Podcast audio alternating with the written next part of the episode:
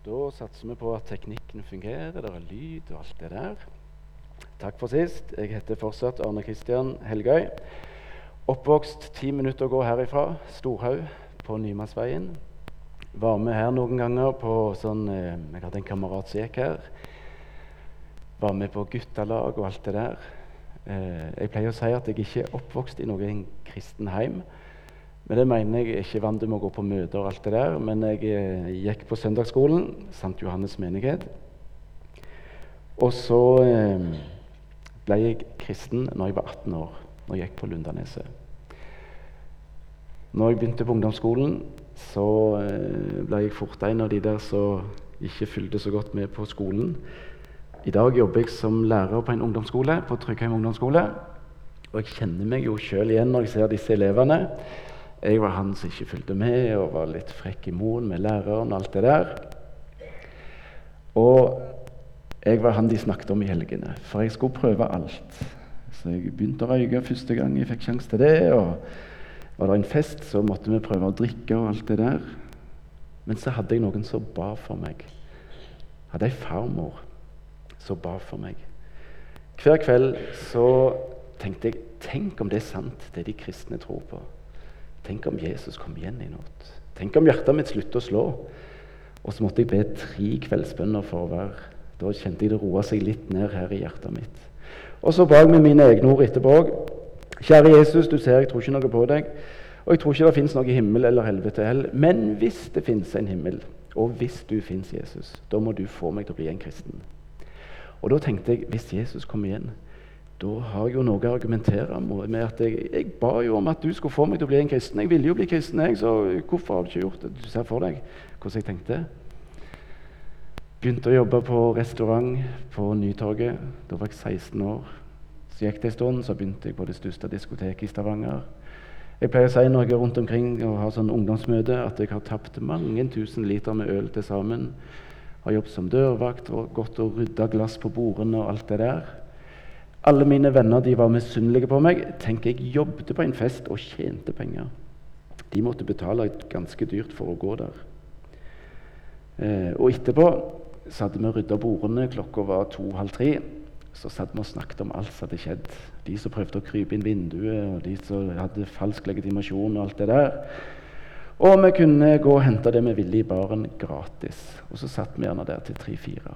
Altså, jeg tjente penger for å jobbe på en fest, og vi fikk gratis alkohol etterpå. Hver kveld når jeg kom hjem, så var det det samme igjen. Jeg måtte be. Og det har jeg lurt på mange ganger. Hvorfor hadde jeg det sånn?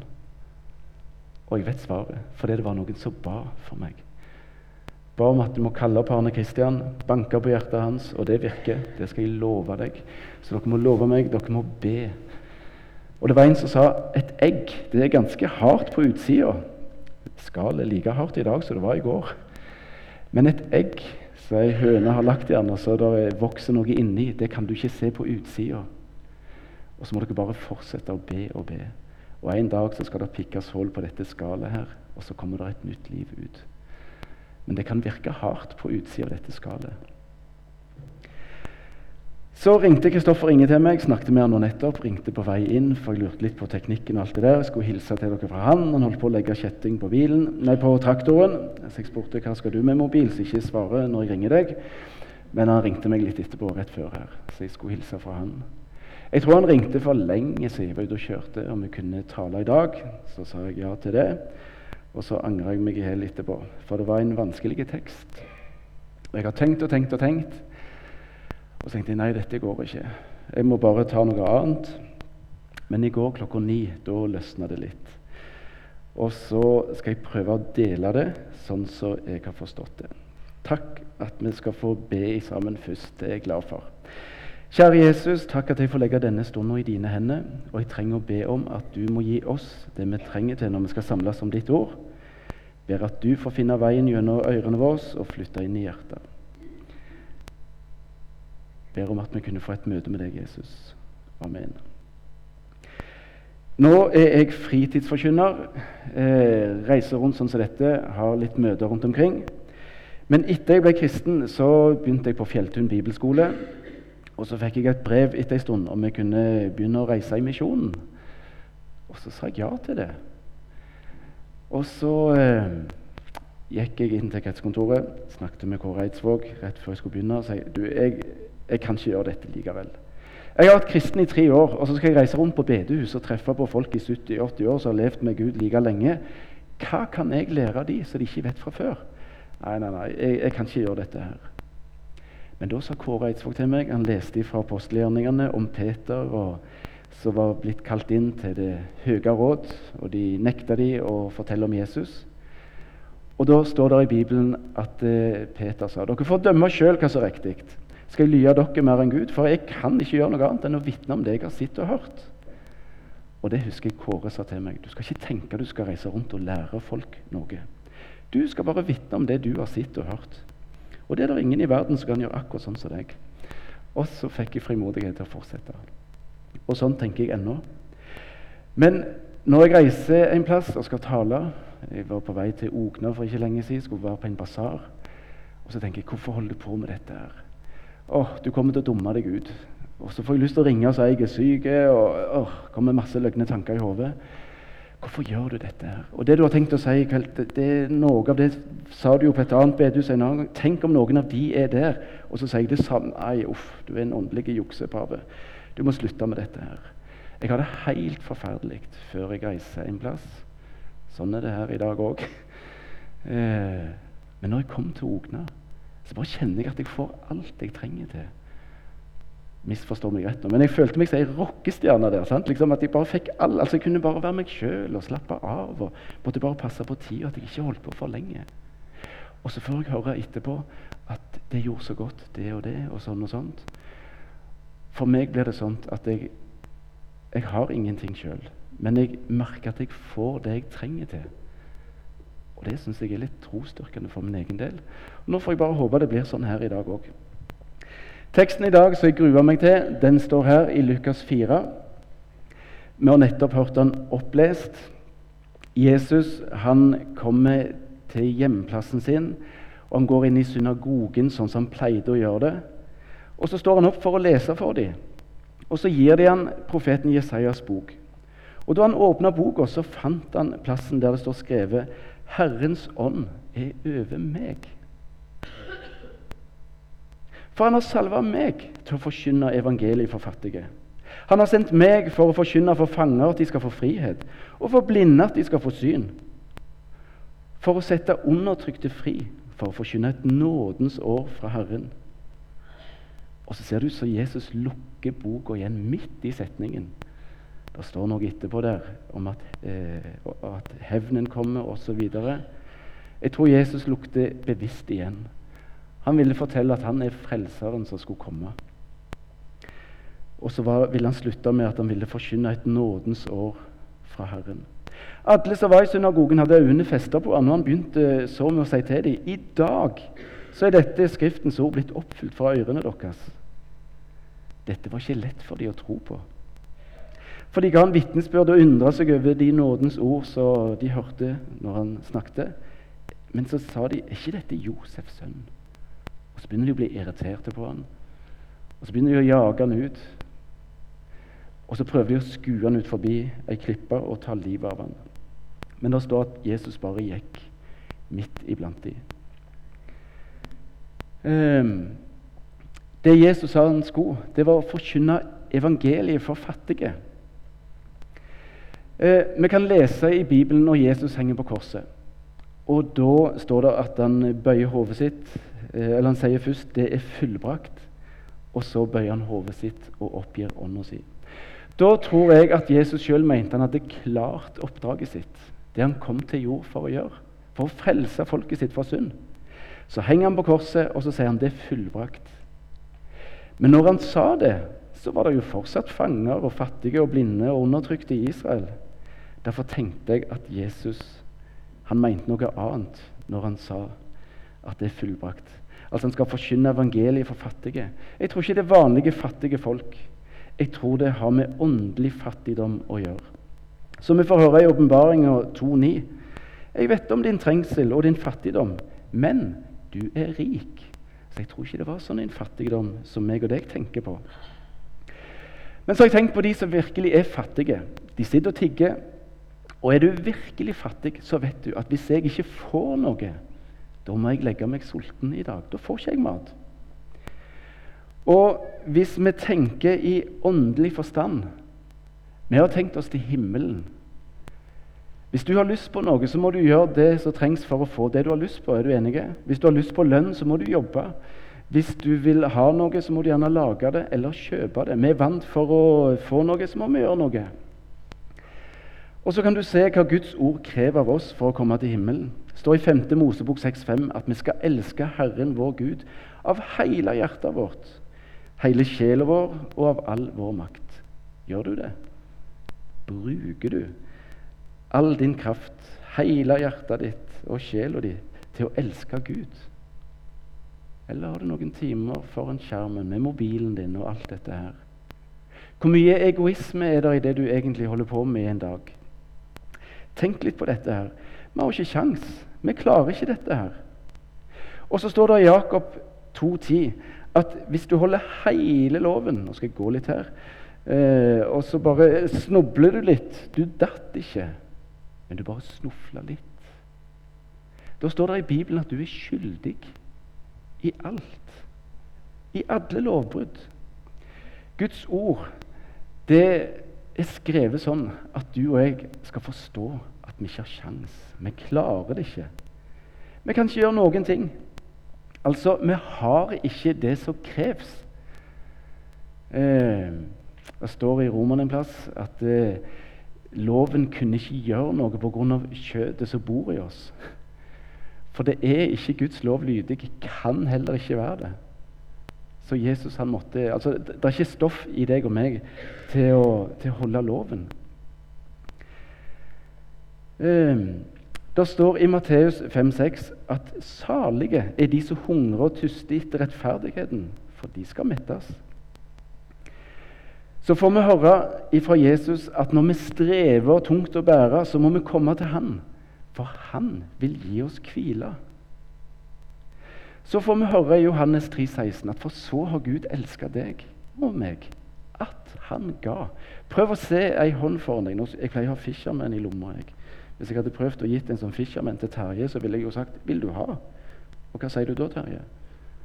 Eller du kunne sagt nei. Du kan si enten ja eller nei. Og sånn er det med Gud òg. Han rekker fram ei hånd. For så har Gud elska deg at han ga. Og så spør Gud deg og meg vil du ha. Har du bruk? Hva gave er det Gud har å tilby meg og deg? Jo, sin sønn, den enbårne, for at hver den som tror på han, ikke skal gå fortapt, men ha evig liv. Og hvis du tar imot Guds gave Hvis Terje hadde sagt ja til den fishermanen, så kunne ah, nå er den min, kunne du tenkt. Da har du noe du ikke hadde før. Og sånn funker det òg med Jesus. Tar du imot Guds gave, så kan du si at 'nå er Jesus min'. Men alle de som tok imot han, altså Jesus er Guds gave, de ga han rett til å bli Guds barn. De som tror på hans navn. Jeg pleier å si hvis du er i tvil om du kan være kristen eller ei, prøv å tenke med deg sjøl. Vil du si ja til Jesus? Hvis du kan svare ja på det, Ok, Da er du en av de, de som det står her. Men alle de som tok imot ham, de, og du er en av de, ga han rett til å bli Guds barn. Så når du har tatt imot denne gaven, så står det i Bibelen at du er Guds barn. Og så står det i Roman 1,17, og her ble Luther frelst når han leste dette her. For i det åpenbares Guds rettferdighet av tro til tro. Som det står skrevet 'Den rettferdige av tro skal leve'. Altså, vi skal ikke gjøre noe. Du skal slippe å streve med å holde loven og alt dette her. Det klarer du ikke uansett. Men her står det 'den rettferdige av gjerninger'. Nei, den rettferdige av tro. Altså så er det ikke noe vi skal gjøre for å bli frelst, men det er noe vi skal tro. Og så står det så fint i Romerne 4-5 den derimot som ikke har gjerninger, altså du er fattig, du har ingenting å stille opp med.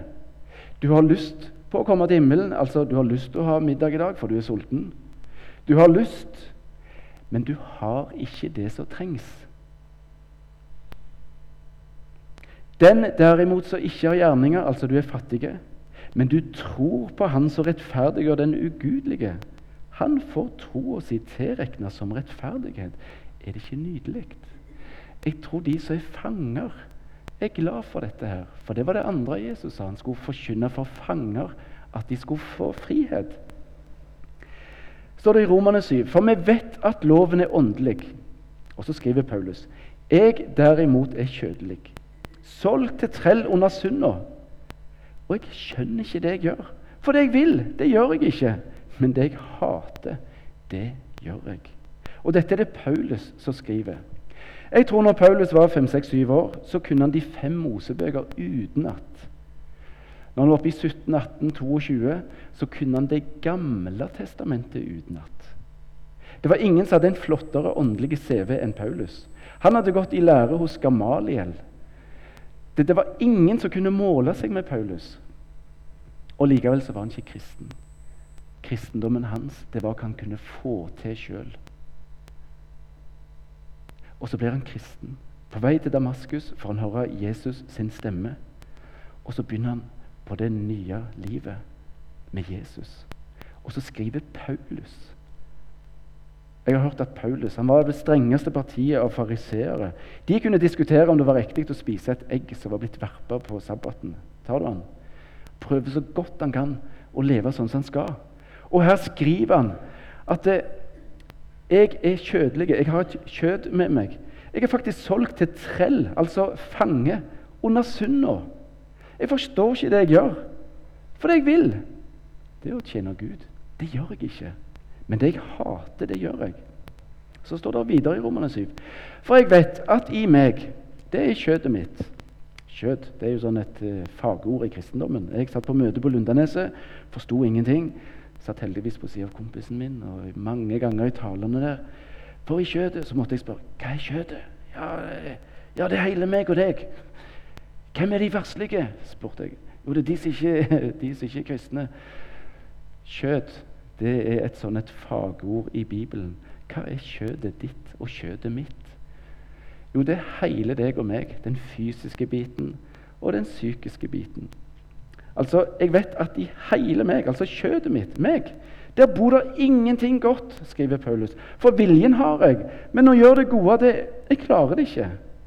Og det gode som jeg vil, det gjør jeg ikke. Men det vonde som jeg ikke vil, det gjør jeg. Men hvis jeg gjør det jeg ikke vil, da er det jo ikke lenger jeg som gjør det, men det er jo synda som bor i meg. Jeg finner altså den lov for meg, jeg som vil gjøre det gode, at det vonde ligger meg for hånda. For etter mitt indre menneske så slutter jeg meg med glede til Guds lov, men i mine lemmer, i kroppen min, der ser jeg en annen lov, så strider imot loven i mitt sinn, og så tar meg til fange under syndens lov, så er i mine lemmer. Jeg elendige menneske. Hvem skal fri meg fra dette dødens legeme? Høres det ut som en fange som er en plass han ikke har lyst til å være. Prøver så godt han kan, men han er fanget. Han har ikke kjangs. Nå ba vi nettopp eh, Fader vår, forlat oss vår skyld som vi òg forlater våre skyldnere. Mener du det? Vil du virkelig at Gud skal tilgi deg? Sånn som du tilgir de som har gjort noe galt mot deg. Tenk litt på det. Det er jo oss sjøl vi har et problem med. Jeg har tenkt på dommens dag når vi skal møte Gud. Det står at hver munn skal bli lukka. Så får du spilt av en episode i livet ditt der du står og sier ja, alle de som har gjort sånn og sånn, vi skulle bare gjort det og det med de. Og så spoler de til en annen episode av livet ditt der du nettopp gjør det du har uttalt deg om. Forstår du? Du har dømt deg sjøl. Og så kommer det et nytt klipp. Ja, jeg fatter ikke de som gjør sånn og sånn. Skulle gjort det og det med de. Så får du se deg sjøl. Altså, du kommer til å dømme deg sjøl, du som ikke har Jesus i hjertet ditt. Stakkars deg. Det er jo oss sjøl som er problemet. Det er ikke stoff i oss som kan oppfylle det som er sko. Vi er fanger. Og det er oss sjøl vi har å stri med. Jesus sa at han skulle forkynne for fanger at de skulle få frihet. Jeg syns det er så godt å lese i Kolossene 2,14. Tenk på når du baktalte i går, eller det du holdt på med sist lørdag når ingen så deg, og så går du rundt og kaller deg en kristen. Når dette begynner å plage oss, kan ikke du slå opp i Kolossene 2,14 da? Der får vi høre at han utsletta skyldbrevet mot oss og var skrevet med bud. Og det gikk oss jo imot. Og det går oss imot. Tenk på baktalelsen din, det du gjorde sist lørdag. Sett navn på det, og så leser du høyt for deg sjøl. Det tok han bort da han naglet det til korset. Er det ikke godt? Så for hver synd du oppdager i livet ditt, så har du fått enda en ting å takke for at Jesus tok meg på korset. Det er godt å være frelst. Ta og Les Romerne 5.10. Der står det hvis du og jeg ble gjort like med Gud når Jesus døde, og det skjedde når vi var fiender, da skal vi jo så mye mer bli frelst ved hans liv. Fem ord, det. Hvis du ber en gang og ikke vet hva du skal be om, så se på fingrene dine. Jeg håper du har fem.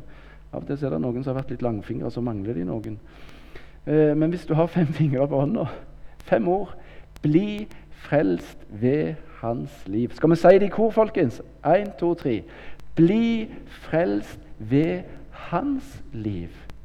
Når du en dag skal møte Gud Helt alene skal du gjøre Gud regnskap for deg sjøl. Jeg tror det er Romerne 14,4. Du skal ikke stå til ansvar for det du sjøl har gjort. Du har jo sagt ja til Jesus. Du skal møte Gud med det Jesus har gjort. Når Jesus holder dom over livet ditt, så blar han i den boka der det står skrevet hva Jesus har sagt og gjort. Og når han blar siste sida, så ser han Jeg bare bruker deg litt, Terje. Terje, jeg ser du er prøvd i alt, men uten synd. Du er ren og rettferdig og himmelen verdig. Det gjelder Britt Line òg. Er det ikke herlig? Sånn er det å være kristen. Vi skal bli frelst ved hans liv. Så hvorfor går vi da og trykker oss ned og alt det der? Kan du ikke lese Kolossene 2,14? Kan du ikke bare lese Romerne 5,10? Vi skal bli satt fri ifra det. Fanger skal få frihet, sa Jesus. Vi skal bli frelst ved hans liv. Og får da Sønnen frigjort deg, ja, da blir du virkelig fri. Og de blinde, sa Jesus, de skal få syn igjen. Og Johannes 9 det får vi høre når Jesus gjorde en eh, som var født blind, seende. Disiplene lurte på hvem er det som har synda Jesus. Er det han eller foreldrene siden han er født blind? Og Jesus sier dette er ingen av dem, men dette har skjedd for at Guds gjerninger skulle bli åpenbart på ham. Så står det at Jesus spytter på jorda og bøyer seg ned, og så lager han en sorpedeig av dette spyttet og trykker kline rett på øya. Ikke på øyelåget, på øya. Det må ha gjort På Jæren sier de kræla vondt. Det må ha gjort vondt. Og så sier Jesus bare etterpå Gå i dammen silo og vask deg. Så gjorde han det. Så kom han tilbake oss, og så var han seende. Jesus hadde her gjort en blinde seende. Søndag for to uker siden var dette her teksten om de som lagde hull i taket. Og eh, Jesus eh, tilgir han synd. Og så merket han at eh, de tenkte hvem er dette som kan tilgi synd? Ja, så sier Jesus hva er lettest? At de skal si at han skal ta senga si og gå, eller tilgi synd? Men for at dere skal forstå ja, Og så sier Jesus ta senga di og gå, og så går han. Det som jeg syns er litt interessant, det er at eh, i Bibelen så blir dette underet kalt for et tegn. Når Jesus gjør under i Bibelen, så sier Bibelen at det er et tegn. Og I Johannes 6 der hadde han metta eh, 5000 menn foruten kvinner og barn med fem brød og to fisker. Og så, eh, Jesus har vel aldri vært så populær som han da. Overalt der han gikk, så var det fullt i folk rundt Jesus. Og Dagen etterpå så lette de etter Jesus, og så fant de han ikke. Han hadde jo gått på vannet og gått opp i båten til disiplene. Uh, men så er det noen som finner han på andre sida av vannet, og så blir de enda mer begeistra for at Jesus var der. 'Hvordan har du kommet her til? Har du flydd? Hva har du gjort?' Så svarer Jesus de og sier sannelig så sier dere dere søker meg jo ikke fordi at dere så tegnet jeg ga dere i går, men for dere spiste brød og ble mette. Altså Dere kom her bare for brød og sirkus. Vil ha litt underholdning. Det var ikke derfor Jesus kom. Han ville frelse folk. Men legg merke med at Bibelen sier at når Jesus gjør et under, da kaller han det et tegn. Og et tegn det forteller om noe annet enn seg sjøl. Dette er et tegn, et trafikkskilt. Dette skiltet betyr forkjørsvei. De andre må stoppe for deg. Opp dere som har sett et skilt der det står 'trafikkskilt' på. Har du sett det, Henning? Har du sett et sånt skilt? står det 'trafikkskilt'. Ikke jeg heller. Et tegn forteller ikke om seg sjøl. Det skal fortelle om noe annet. Når Jesus gjorde en blindfødt seende, så skal det altså fortelle oss noe annet. Ja, det skal fortelle oss at Jesus kunne gjøre dette, men det skal òg fortelle oss noe annet. Du og jeg, vi er født åndelig blinde. Og nå vil jeg spørre deg Hvis du hadde vært født blind, hadde du da visst hva det ville si å være blind? Nei, du hadde ikke det. Du hadde vært fornøyd hvis du fikk spise når du var sulten, drikke når du var tyst. Og alt det der. Og du hadde blitt irritert på alle de som 'Å, stakkars deg, du kan jo ikke se.' 'Å, her er det sånn plen. Den er sånn grønn og fin. Det, det er nydelige farger.' 'Og sjøen der, hvor blå og fin.' Og så skal du begynne å forklare dem det du ser, så ikke de ser. De hadde blitt kjempeirriterte på deg. Du vet ikke om noen annen tilværelse enn å være blind. Det som er greia, en blindfødt vet ikke hva det vil si å være blind. Like lite som en ikke-kristen vet hva det vil si å leve uten Jesus. De vet bare om det, den tilværelsen. De blir irriterte på alle som skal fortelle om Jesus og hvor godt det er å være frelst og alt det der. Selvfølgelig gjør de det. I Efesene 2,3 der står det at vi er eh, vredens barn av naturen. Altså, vi er født åndelig blinde. Og han er karen som fikk denne sorpedeigen smørt på øynene sine, han kunne begynt å krangle med Jesus. han. Au, det gjør vondt. Ja, Gå og vask deg i dammen Silva, sa Jesus. Å, hadde ikke du grist meg til med dette, så hadde jeg ikke trengt å vaske meg. Akkurat som noen ikke-kristne når de har, får et møte med Jesus. De kan ha mange som grunnløse innvendinger. Det, det, er jo så tåpelig å tro på evangeliet. Å ja, verdens mektigste mann ble spigra på et kors, ja. Mm, tro på det. Å ja, så bare kan få tilgivelse for all synd, og så kan vi bare ja, Eller, eller kan bare si eh, rett før jeg dør at jeg tror på Jesus. Ass, tåpelig. Alt dette har du hørt før. Ord om korset det er en dårskap for de som går fortapt. Men for oss som blir frelst, er det en Guds kraft. Han er blindfødte når han fikk se Først da forsto han hvor fattig liv han hadde hatt når han var blind. Derfor kan de som har blitt kristne, vitne om at livet har blitt helt annerledes. De som ennå ikke har møtt Jesus, de ser bare som noen raringer, og de blir egentlig bare irriterte på oss. Men det var derfor Jesus kom, for å forkynne for blinde at de skulle få syn igjen. Sette de undertrykte fri. Det har ikke jeg funnet noen. Der må dere komme til meg etterpå. Jeg har bare funnet et bibelvers eh, i apostelgjerningene 10. Der står det noe om at Gud salva Jesus fra Nasaret med Den hellige ånd og kraft. Han som gikk omkring og gjorde vel og helbreda alle de som var under kua av djevelen, fordi Gud var med han. Om dette er meint for folk som er besatt, det vet jeg ikke. Det siste Jesus kommer med, det er å forkynne et nådens år fra Herren. Jeg syns det passer godt å starte det nye Egentlig er det nyttår i dag. Vi har begynt et nytt kirkeår. Det begynner første søndag i advent.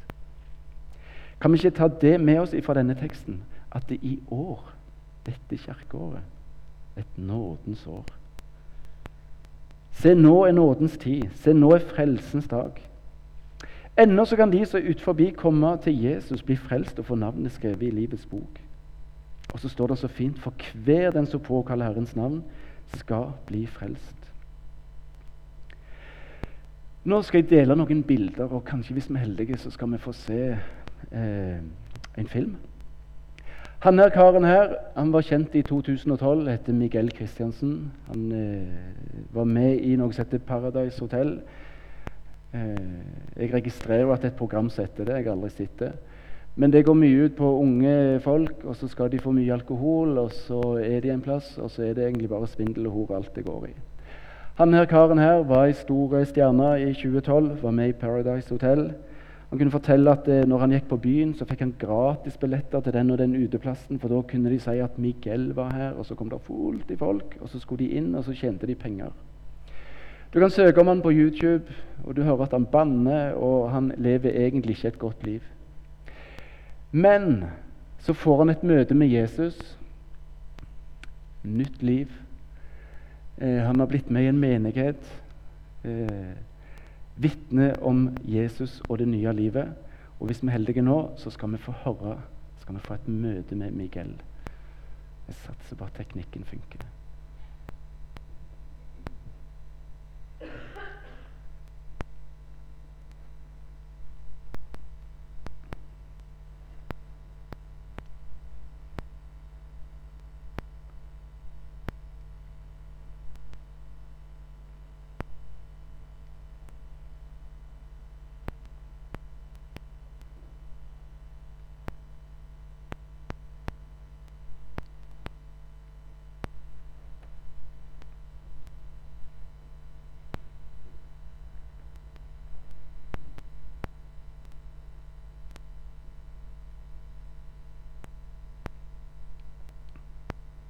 Han, Miguel han er fra Kalmar i Sverige. Eh, gikk på bibelskole i California. Eh, han forteller at eh, han levde det livet han hadde, som vi så eh, på eh, når han var med i Paradise Hotel. Eh, kan du prøve å sette ja, nå er den på, så kan jeg prøve at jeg spiller det av sjøl. Skal vi se.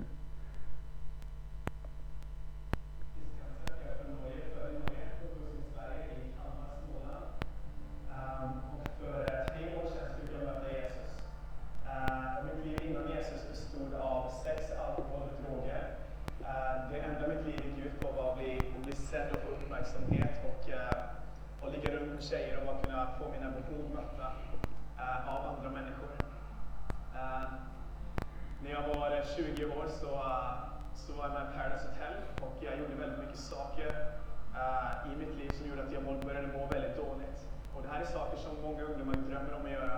Eh, man drömmer om att få uppmärksamhet, man drömmer om att vara på TV. Eh, man tänker att det, det måste vara svaret på livet, det måste vara där man får uppleva glädje. Eh, och det var det jag tänkte också. Jag tänkte att ja, men här kommer jag bli glad. Men sanningen är att jag började må extremt dåligt. Jag började bli deprimerad, jag fick väldigt mycket psykiska besvär. Jag hade schizofreni över ett tag, jag hade extrema självmordstankar. Och hela det här utvecklades till att jag till slut bara försökte ta mitt liv. Jag ville inte leva längre. Eh, og alt det som skolespillerne egentlig er, er bare mørke.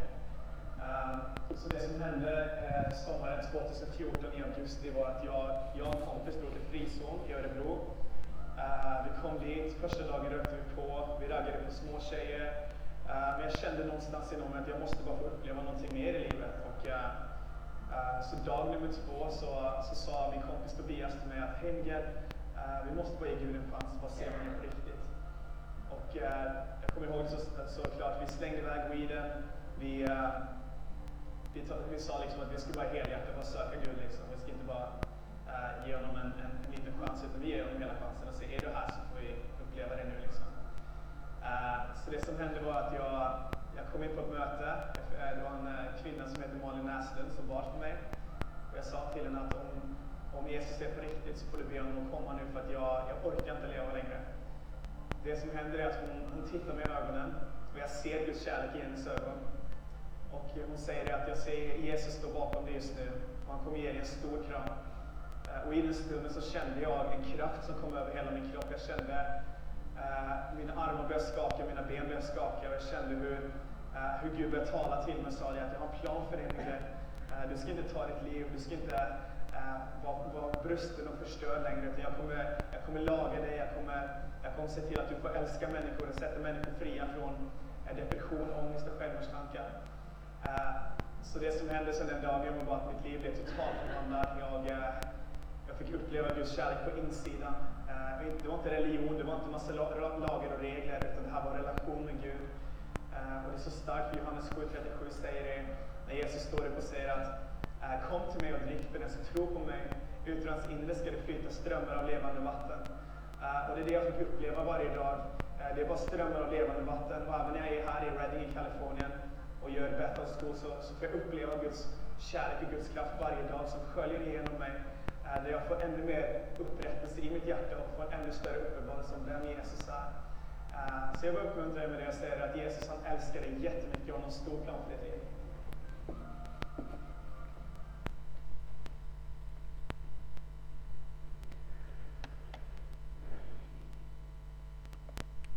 Er det ikke flott å høre vitnesbyrd? De som har funnet fram Jeg bare tar ut, for nå har PC-en min låst seg.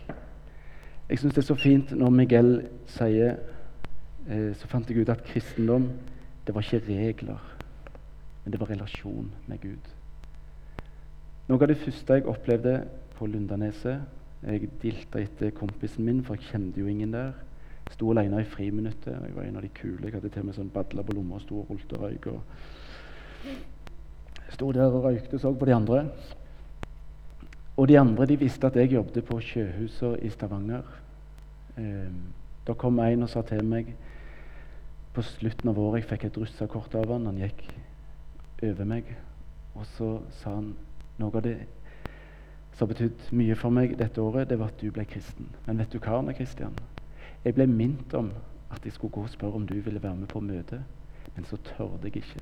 Jeg tenkte det er ikke håp for han der. Det har jeg tenkt på, for jeg kjenner meg igjen i det. Det koster når du skal spørre om andre vil være med på kristne, eh, være med på møte. Vi er redde for å dumme oss ut. Jeg dilte etter kompisen min, og så 'Hei, jeg må du hilse på ei som heter Hildegunn.' Jeg går i klassen med henne. Så jeg hilste på henne. 'Hei, jeg heter Anne Kristian.' 'Hei, jeg heter Hildegunn.' 'Er du kristen?' Jeg holdt på å bakoversveis. Ingen hadde vært så direkte før. 'Nei, nei, jeg er ikke det.' 'Å nei. Har lyst til å være med på møte i morgen?' 'Der er møte hver torsdag.' tenkte første gang jeg treffer henne, kan ikke være negative. 'Ja, jeg kan godt det.' Og så gikk jeg på det møtet. Og så får jeg bare høre en stemme inni meg som sier 'Dette er sannheten'. Dette er det viktigste i livet, Arne Kristian. Dette må du fortsette med. Noe sånt. Jeg bestemte meg bare der og da. Jeg må begynne å lese i Bibelen. Jeg må gå på møter. Jeg vil høre mer av den stemmen. Sånn som Miguel sa her. Det er relasjon med Jesus. Sånn begynte det. Men så har jeg ofte tenkt på han der som ble minnet om han skulle gå og spørre om jeg ville være med på møte. Så tørde han ikke. Sånn har jeg det òg. Jeg tør ikke. Men det jeg gjorde hver kveld, så ba jeg om at da må du sende noen som kan hjelpe meg. Jeg sa ja til den første som spurte. Jeg tror det er litt overmoden frukt rundt oss. Jeg fikk oppleve det for åtte år siden når far min ble kristen. Hadde du visst hvor mye jeg hadde prøvd å vitne for far min og krangle, og hadde jeg slåss med han, så hadde jeg gjort det òg, men jeg gjorde ikke det. Han forsto jo ingenting. Ja, men, ja, men hør her, Arne Kristian. Jeg tror det fins en Gud, men jeg tror det er en rettferdig Gud, og ingen har et vondt ord å si på meg. Så, og han der, og han som kaller seg kristen, han snyter på skatten, og han gjør sånt. Så hvis Gud kan ta de med, så tar han nok meg òg med. Hva skulle jeg stille opp med da? Så får far min kreft. Og så satte jeg av det året der jeg visste han kom til å dø. Jeg slutta som fotballtrener og alt det der. For all min fritid så reiste jeg til Klepp for å prøve å vitne om Jesus. Men det var så vanskelig. Hadde han TV-en på, satt og så på TV og drakk kaffe. Og var en av de som røykte inne òg. Og så kom jeg hjem til kona mi og sa han bare sitter og ser på TV. Liksom, åh. Jeg Kan ikke si til far din da at du, nå må jeg gå om en time, kan du ikke skru av TV-en, så vi får snakke litt? Jo, så gjorde jeg det. Men det var så vanskelig å snakke om Jesus. Så han bare noen uker igjen. Er på Kleppheimen. Og så var tante Berit der. Og så skulle hun reise typisk dagen etterpå.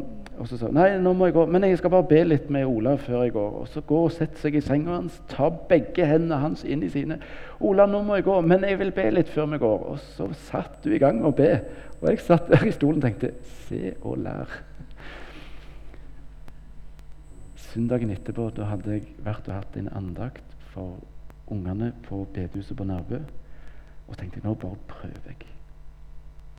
Og så sa jeg far, jeg vet ikke hvordan du har det, men hvis jeg hadde vært deg, og hvis jeg hadde bare noen få dager eller uker igjen, Jeg hadde jo tenkt mye på Gud. Det står i Bibelen at vi skal stå til regnskap for Gud. Tenker du på det, far? Ja, jeg gjør jo det. Wow, tenkte jeg. Og så begynte jeg å fortelle evangeliet så godt jeg kunne. og det, nå bare skal jeg tørre, ja. Ok, Hvis jeg spør deg, da, far, vil du ta imot Jesus? Vil du tro på ham? Ja, jeg vil jo det. Jeg følte ikke at jeg holdt på med masse Jeg kunne bare spurt ham med en gang. Han var overmoden. Men det var så vidt jeg tørde det. Og så ba vi i lag. Og bare for meg å si ordet Jesus høyt, så han hørte på, uten han ble sur og sint og dårlig stemning, det var helt underlig. En dag og to før han døde, eller samme dagen, jeg har glemt hvordan det var, holdt jeg far i hånda, strevde med pusten. 'Far, hvis du hører meg, klarer du å klemme i hånda mi, da?' Så rister han på hodet. Det som jeg vet står i Bibelen nå, far, det er at eh, vi skal gjøre Gud regnskap for oss sjøl. Hvis jeg hadde vært deg, så hadde jeg grua meg for det. Og dette var dagen før. Da nikta han. Jo, han gjorde det. Men nå må du huske på, far, at eh, du har jo sagt ja til Jesus. Når du skal møte Gud, så skal du stå ansvarlig for det han har gjort, ikke det du sjøl har gjort. Er ikke det godt? Jo, så nikta han. Du skal bli frelst ved hans liv. Så jo, han fryda seg og gleda seg. Så var det litt deilig for meg å si til ham Det er jo dette jeg har prøvd å vitne om i alle år, din stabukk. Det var litt deilig. For han fikk aldri oppleve gleden i det kristne fellesskapet. Nå er det et nådens år, folkens. Når dumma du deg ut sist for Jesus? Tok sjansen. Ja, hva kan du risikere? At du rødmer og skjems litt? Hva gjør det? Det er snakk om å redde et liv for evigheten. Gud har utrusta deg med alt du trenger til. Du har i helt spesielle nådegaver. Be for dem. Få andre til å be. Det jeg gjør du, Gud har minnet at jeg skal si, si, noe til den. Kan du være med og be? Og så vet jeg jeg kommer til å treffe dem neste uke. Og da kommer de til å spørre ja, hvordan gikk det. Fikk du, eh, Del det med noen andre, for da får du et ekstra press til å gjøre det Gud har minnet deg om. Nå må jeg si ja, men jeg har holdt på litt for lenge. Eh, vi må be til slutt. Kjære Jesus. Eh, ber om at dette året kunne bli et nådens år, for ennå er du å finne. Vi tror at vi er ditt verk, skapt i deg, til å gjøre gode gjerninger som du har lagt ferdige for at vi skal vandre i dem. Hjelp du oss å være sånne som kan sette vår vei i de hånd og stole på deg, for da skal du gjøre det. For du har sagt at det, det du vil vi skal gjøre, det er tjenlig og lett. Det er jo du som gjør det vanskelige, den åndelige biten, å forandre hjertene. Og så trenger du egentlig bare oss til å si noe, spørre om noe, invitere. Du gjør den vanskelige biten, men du trenger oss til å være de som går. Akkurat som Paulus trengte en Ananias. Hjelp du å være, at vi kan være en sånn en Ananias. Velsigna denne forsamlinga. Takk at vi får legge dagen og framtida i dine hender, Jesus. Amen.